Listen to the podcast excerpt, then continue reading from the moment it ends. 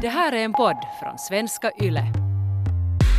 Idag ska vi svara på tre olika frågor och de är alla helt skitbra, så jag vet inte vilken vi ska börja med, men vi tar en liten röstningsrunda. Mm. Någon som vill bli bättre på att runka av sin pojkvän och behöver tips. Någon som behöver tips på hur den ska be sin pojkvän sluta ratta på dens bröstvårtor när de har sex. Och någon som undrar om man kan påverka spermans smak på något sätt. Var vill ni börja idag? Brukar man inte avsluta med sperman oftast? Så det där... Nej, sperman kommer kanske först den här gången. Jag röstar på... Jag vill, jag vill sluta ratta på bröstvårtor först. No, men om jag redan sa att man brukar avsluta med sperman, så då röstar jag också på ratta med bröstvårtorna. Vad är det här för skit? Jag skulle lite här vilja ha en fight här i en, till en början. Men okej, eftersom ni kommer så bra överens så bestämmer jag i alla fall att det inte blir någon del av det ni vill. Sperman kommer in till sist och bröstvårtan rattas inte först utan vi tar helt enkelt tag i frågan som handlar om att runka. Okej. Frågan låter alltså så här. Jag vill bli bättre på att runka av min pojkvän. Har ni något tips? Jag har en första tanke. Jag tycker att handjobs är kanske lite underskattade. Hur menar du? Nej, jag tycker att ofta sådär när man pratar om att ha sex med någon så, så är det där runkande en ganska liten del. Jag tycker att man skulle kunna koncentrera sig för det första mer på kanske att runka av varandra. Mm. Eller är det bara jag som upplever det här? Det som jag började direkt tänka på att varför man inte tycker att det nu är det häftigaste när man har sex med någon annan, att någon runkar av dig, för att man har ju knackat takten ganska mycket sådär på egen hand. Att oftast, oftast jobbar man ju på det, sådär, då vill man ju ha det där andra som man kan uppleva då i den stunden. Okej. Men, eh, men sen samtidigt tycker jag att om man får en bra avrunkning så är det nog ganska magnifikt. Det tycker jag också. Jag säger så här. Att runka av någon är ju nog svårt. Mm. De flesta har många, många, många års erfarenhet av att runka av sig själv. Det är sant. Och om någon annan där ska ko- komma in och på två veckor lära sig att bli bättre än du är själv på den saken, så då, då krävs det nog ganska mycket. Men vi kan inte dankacka Så- nu den här människan i ögat som vill bli... Liksom, det står Nej! ju också att den vill bli eh, bättre på att runka. Man kan ju inte kanske... Man är ju själv runkkungen och runkdrottningen av sin kuk eller sin fitta. Men att bättre kan man ju bli. Det kan man absolut, men det jag ville komma till så var det att därför tror jag att man definitivt måste fråga. Mm. Om du har någon i rummet med dig som har 15 års erfarenhet att runka sin kuk, så fråga den människan Mm. att hej, hur, hur, hur hur vill du? Ja, Där tror jag just att man, just den här kommunikationen, som allting, men att massor av personer kan känna igen sig i det, i det där att, att den där människan bara i princip tar i din kuk och sen så för den dens hand ända ner till ungefär skaftet och sen upp igen. alltså ända ner liksom Till- till magen typ då. Ja, ungefär till magen eller ballarna eller någonting sånt här. Dit och, helt för långt ner. Och i alla fall personer med förhud kan ha ganska problematiskt med det för att förhuden kan sen börja snurra inåt eller den blir i kläm mellan ollonet och sådär. Och det gör ganska satans ont. Att, äh, att nu har man själv också haft varit i de tillfällen när man har vänligt bara tackat nej till ett avrunk. För, Okej. att, för att man vet att, att när någon förra gången kanske du inte riktigt får helt napp i det här att, att jag kan röra mig själv Mycket kanske bättre, Mm. än att, att du skulle kunna köra det till mig. Alltså jag har bett många gånger folk runka framför mig för att jag, jag är jätteintresserad av att se hur det där runkande går till när Master of ru- Runking själv runkar. Eh, Jag tycker att det beskriver ganska mycket och då ser man ju just att är det någon som drar ända ner till liksom bottne, till roten, uh, ända till magen eller är det någon som eh, runkar liksom mer där kring ollonet eller så här. Men det är ju kanske jag, jag tycker att när man pratar om sex överhuvudtaget så är att runka sådär på något vis jätte, jätte intimt för många. Och också när jag har bett om det här, att liksom få se någon runka, jag tycker ju för det första att det är också ganska hett, men många blir förvånade att va, att vill du se mig runka? Att, är det liksom, att går du igång på det här? Att det känns kanske jobbigt för folk. Nej, men det kan jag tro, det är en jätteintim grej på något vis. Mm. Men ja, jag tror att det där är en jättebra sak, för alla är ju jätteolika. Jag brukar ju säga det att om, om alla skulle gå med en posa på huvudet med skräpporna bara, så skulle man ju lära sig känna igen varandra bara på hur könsorganet ser ut.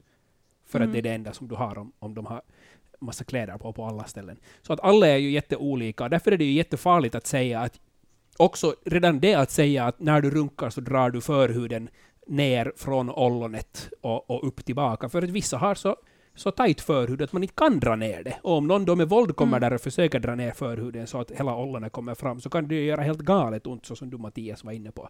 Så därför är det Mm. nog att vara, vara uppmärksam på att se det. Och samtidigt så finns det de som inte har förhuden jättespänd, men frenulum, alltså strängen som går från, från ollonet och ner mot skaftet, så den kan vara jättespänd för någon, som gör att man inte heller kan dra det hela vägen ner. Så det, det är ju nästan en liten vetenskap det.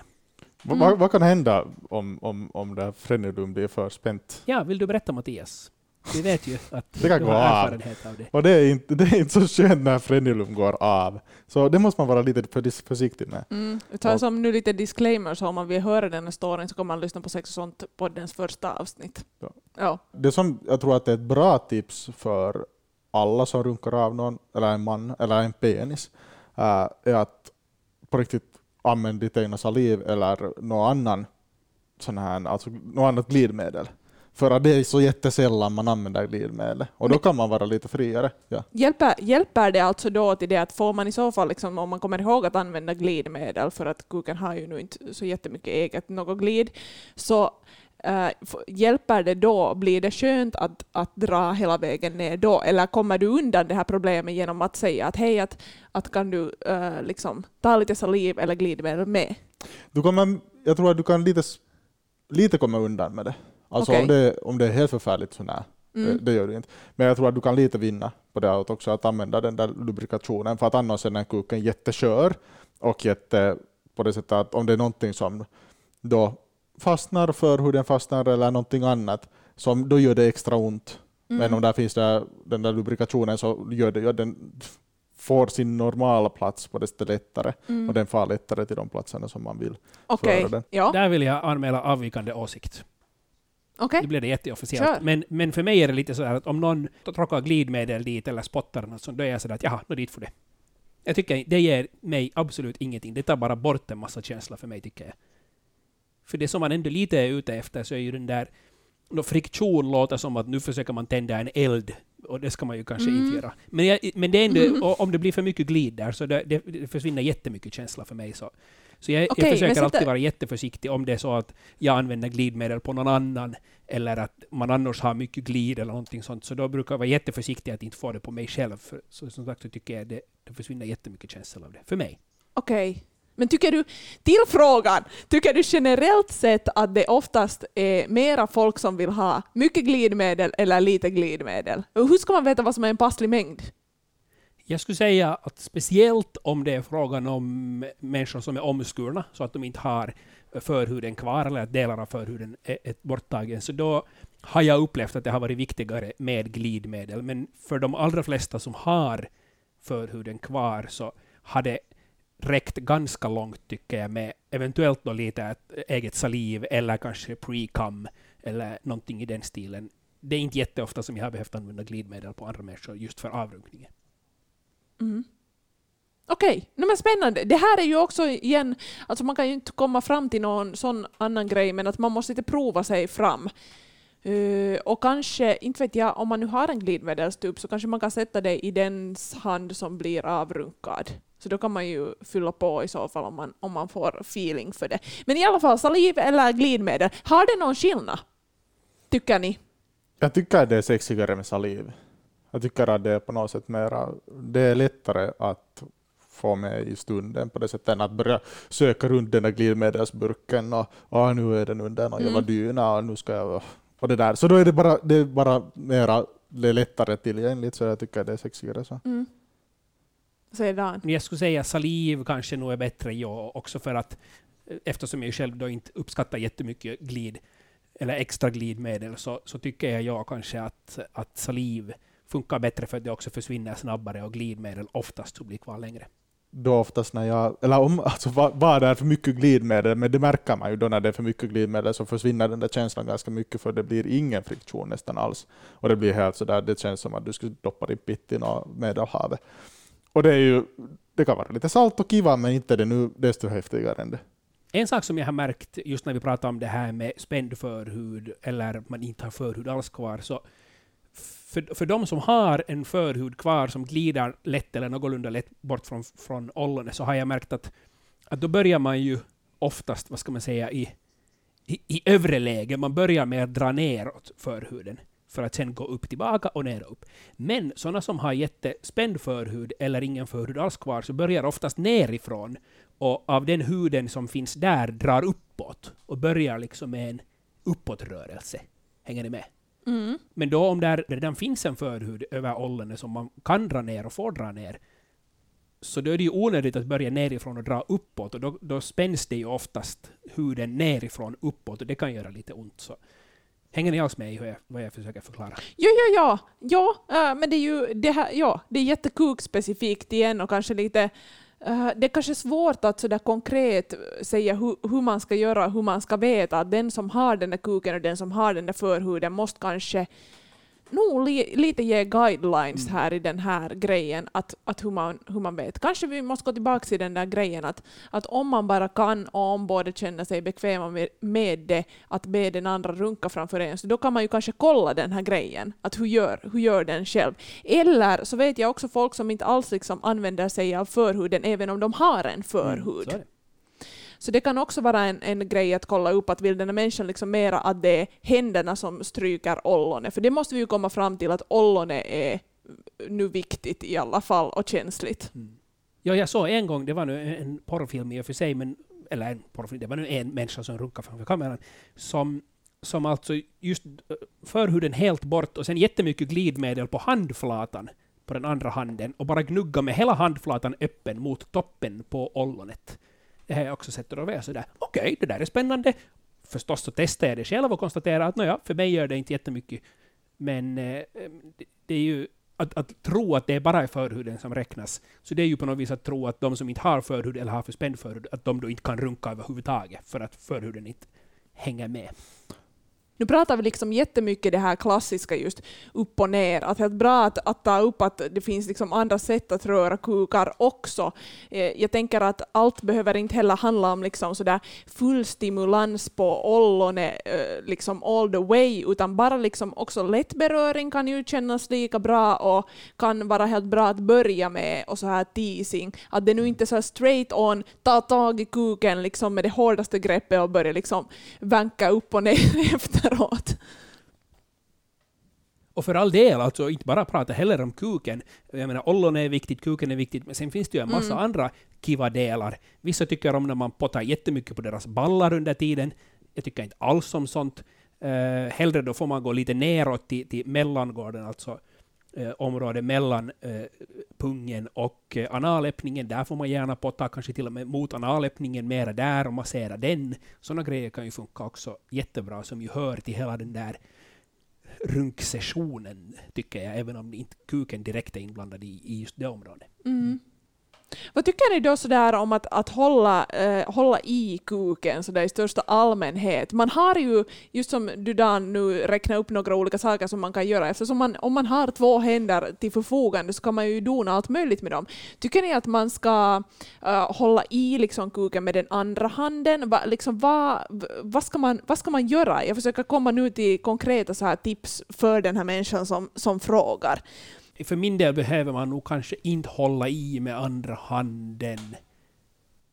Den får hellre då eh, vandra runt på olika ställen på kroppen och säga att vänta, är det här ett kiva ställe, är det här ett kiva ställe? Och ibland hittar man ju, inte jätteofta, men ibland hittar man nya ställen eller nya sorters sätt att beröra. Vissa tycker jättemycket om när man samtidigt med den andra handen eh, tar i på baksidan av deras, deras lår och, och trycker och, och, och klämmer. Och, och på en, vissa människor så kittlar det mest bara. Så, så det där är ju jätte, jätte individuellt. Men för min del så behöver man, så räcker en hand, om vi säger så.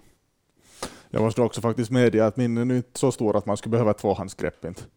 Jag tror att Du ser så glad ut Mattias. Jag tänker inte behöver det liksom handla om kukstorleken, liksom, att man liksom så här, inte vet jag, gör som en så här som man gör smör på något vis, så här gammaldags. Vad heter det? Men, Kärna. Kärnasmör. det är inte det jag menar. Två händer och grannen kommer med och hjälper och man, vet du, svärmor och alla ska dit och hålla i.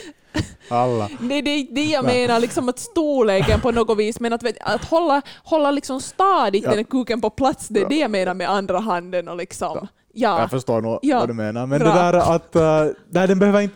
Alltså just kanske som Dan säger, att man kan... Om det känns bra att röra den här kuken samtidigt, så gör det gärna. Mm. Men annars att... beror helt sådär att sitter vi nu på en... Sitter vi och tittar på film tillsammans, så då kanske det blir svårt att man böjer sig över där och ska börja sotta med andra handen någonting.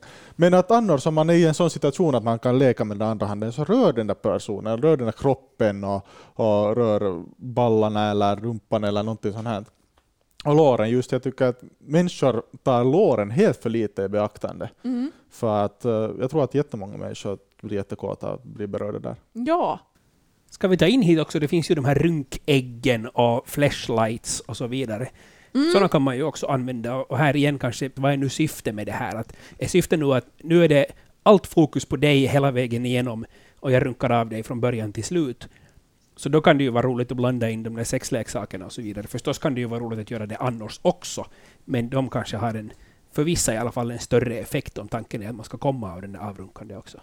Jag känner mig lite svår när vi kommer till att jag skulle använda en, ett runkägg eller en flashlight på någon. Alltså jag, på något vis så finns det något jättesvårt i det att jag har inte, jag känner kanske inte att jag har kontroll på samma sätt. Att, att med mina händer så känner jag i alla fall vad jag gör. Om jag trycker in den andras kuk i någonting och sen liksom vejvar på, så jag kanske inte har riktigt någon koppling på hur jag ska göra. Hur ska man göra?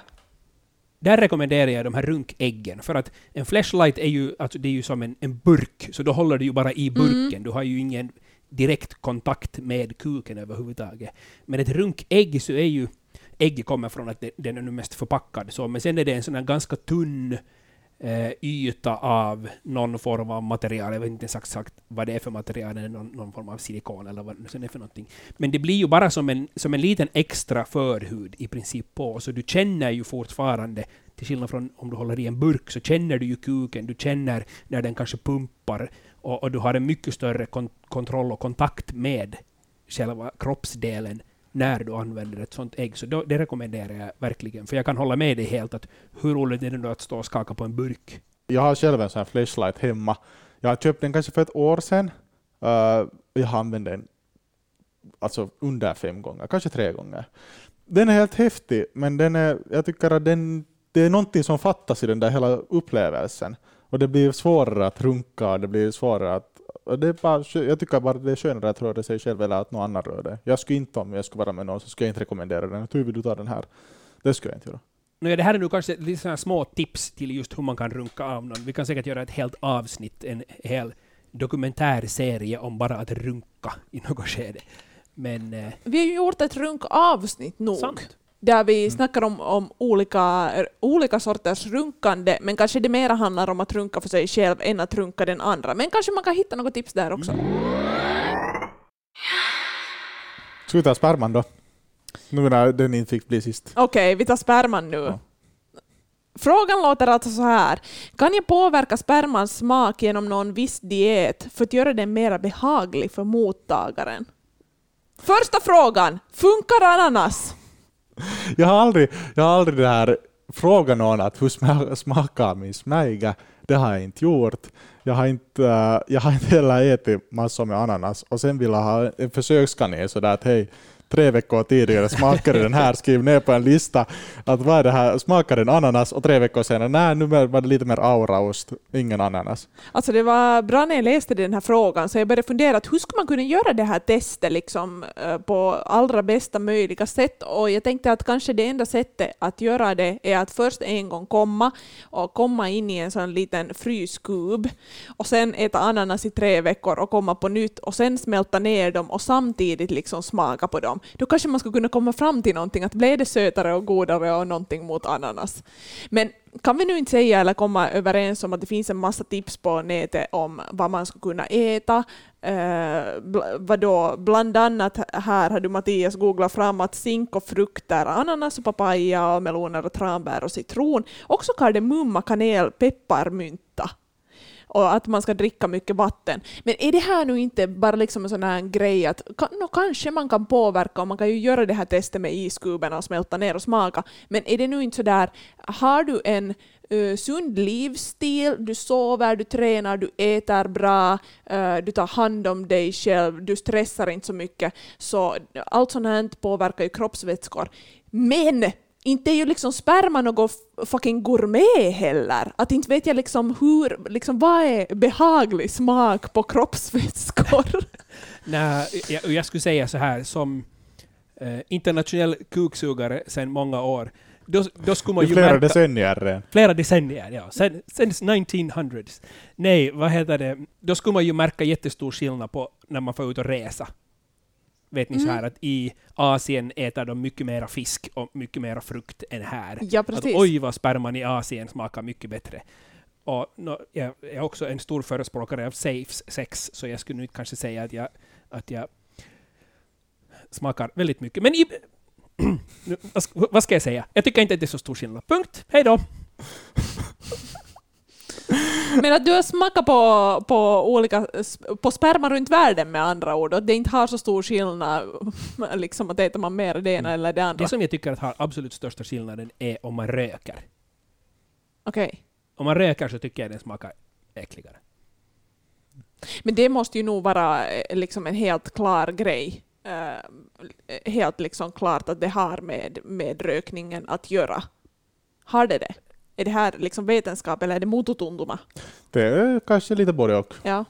Men det som jag nog märker att, att om man inte har till exempel druckit vatten, man har inte druckit vatten jättemycket, och så, till exempel om man har varit ute och, och festat och sen har man lite krapula på och man, hela kroppen är ganska sådär torr, och sen runkar, så är nog spermans konsistens i alla fall olik än vad man har, har en bra vätskenivå i kroppen. Men det är nog säkert Ja, den, sant. den påverkar sen och då kan det ju också påverka smaken.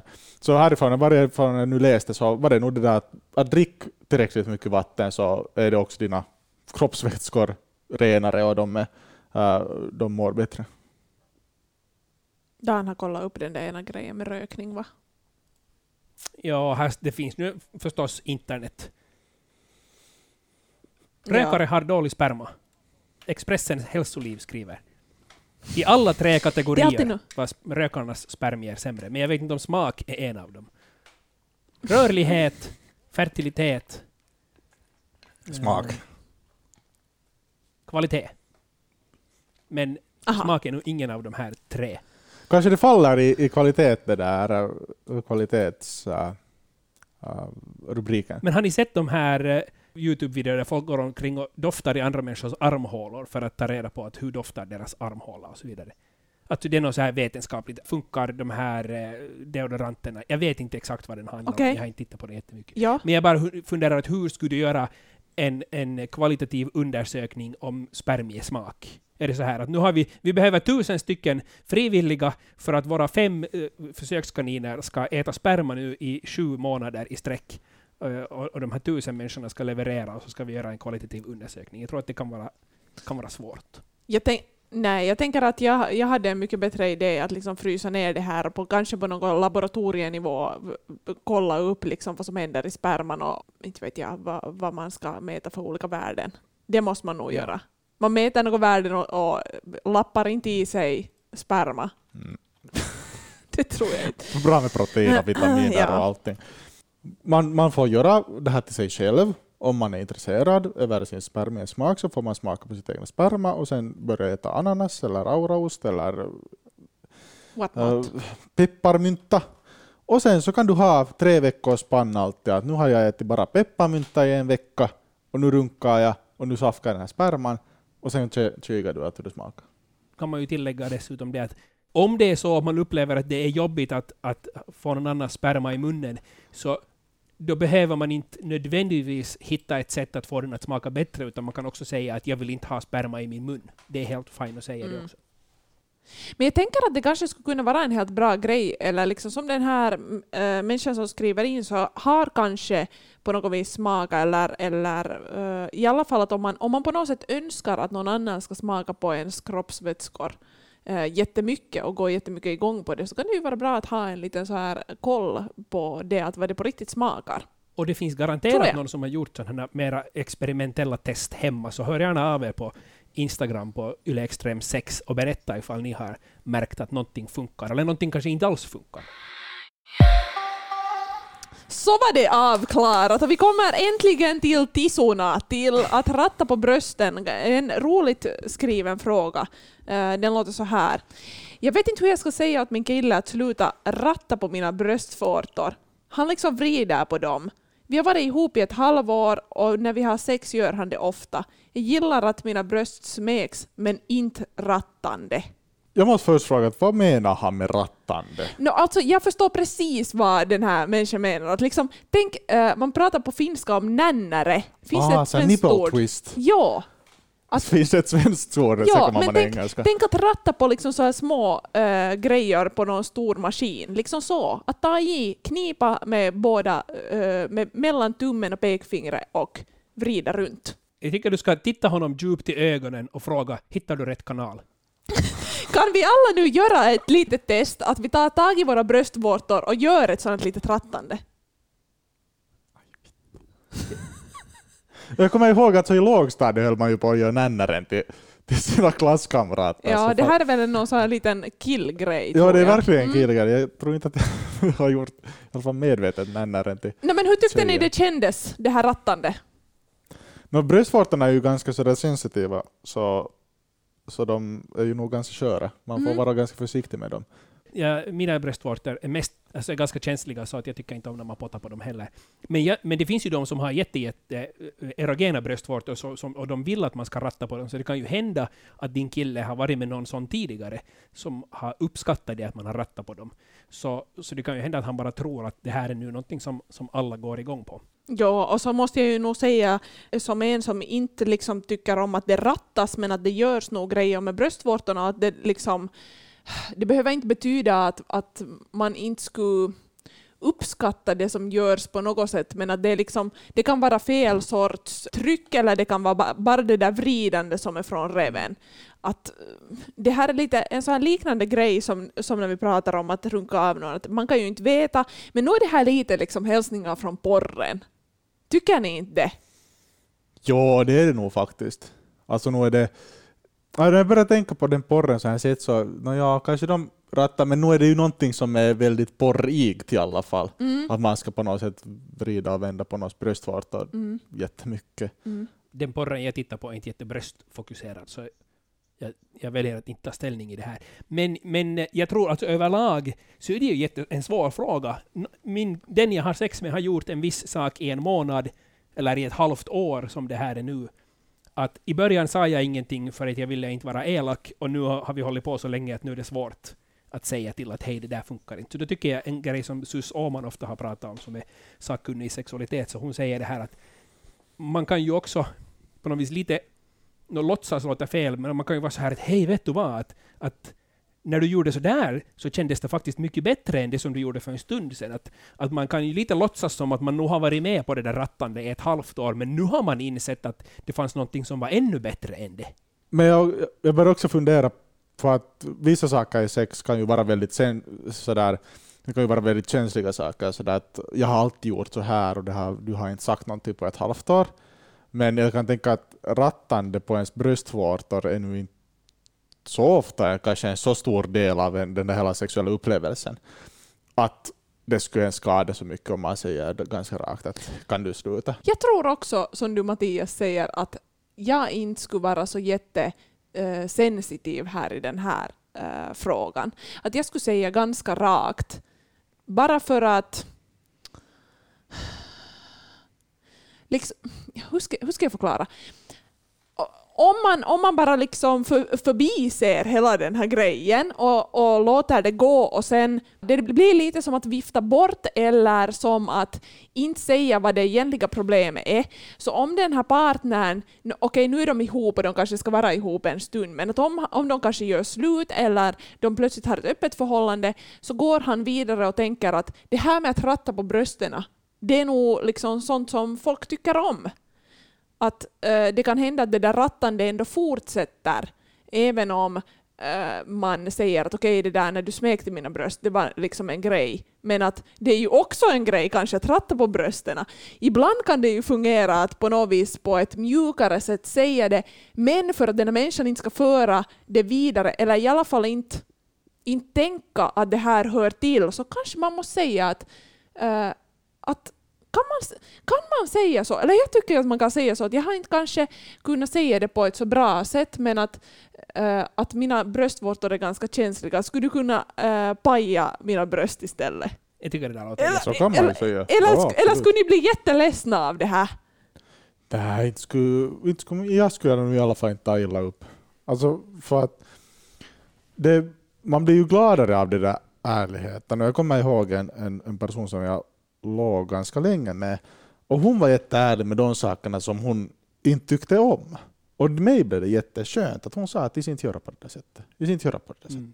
Så då kunde jag också lära mig att nej, men nu kanske jag ska göra på ett annat sätt och kunna också reflektera på sig själv att okej, men uh, hon tyckte inte om att göra sådär och då kan jag hitta på någonting annat på ett, annat sätt. Så jag tror att det är mycket bättre att man är ganska rak på sak. Det tror jag också, om man kan vara det från första början. Nu tror jag ju att ett av problemen här är att hon har låtit det gå i ett halvt år. Och hur ska jag nu Ja. ta upp den här saken? Och det är kanske är det som är problemet. Att, för jag kan ju tänka mig att om någon, någonting som jag har gjort i ett halvt år och som jag har trott att någon annan tycker jätte- jättemycket om och sen säger den mitt i allt att hej, vet du, gör inte sådär, jag tycker inte om det. Så då blir jag jätteosäker på alla andra saker jag också har gjort i ett halvt år.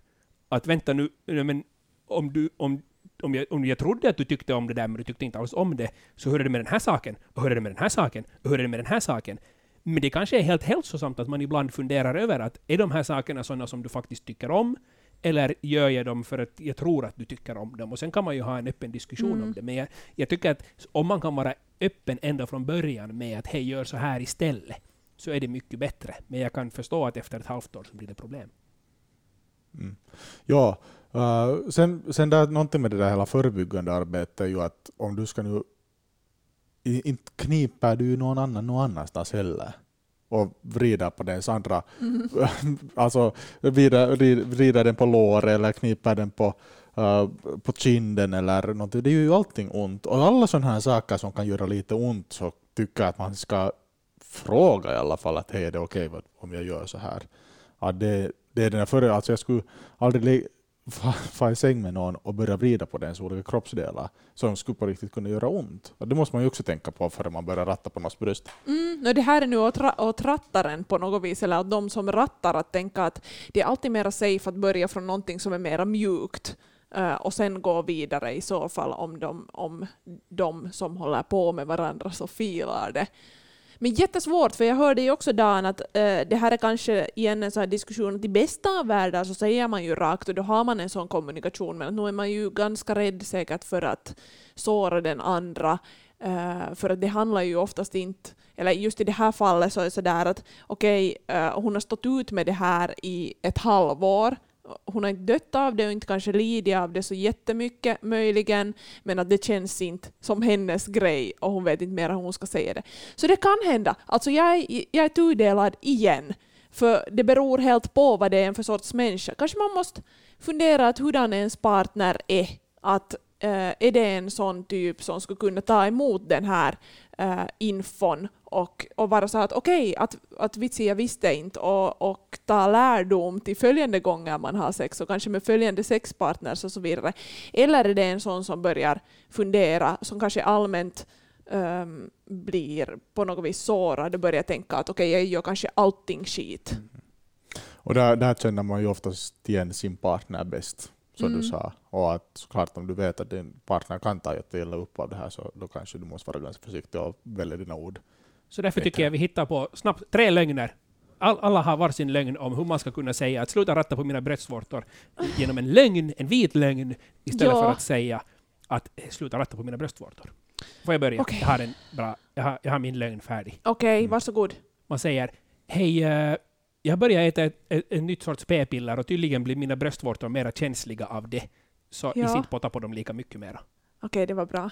Uh, jag var simma i augusti, nu är det september, uh, men mina bröstvårtor fick någon sorts uh, infektion av det kalla vattnet, uh, så jag därför tycker jag inte om att du rör dem på samma sätt som du gjorde för två veckor sedan. Det där är jättebra, för att om det bara är ett halvt år, så de har inte varit tillsammans alla årstider ännu. Så då kan Nej. man säga att hej, på sommaren är det jättenice med att ratta på bröstvårtorna, men nu när det blir höst och kallt så is inte. Ja. Okej, min lögn kommer här du vet när eh, du vet att kvinnor har en menscykel och eh, i slutet av menscykeln så blir mina bröst ganska mycket större och sväller upp och, och de blir ganska ömma. Eh, och det brukar göra då lite ont i mina bröstvårtor så jag skulle behöva mer såna smekningar. Det låter inte ens som en lögn, det, där låter, det där är väl till och med sant jättebra. Det är helt jätte, jättesant. Hälsningar den som har haft helt sprängstora tissar de senaste månaderna. Alltså jag vet inte vad som har hänt.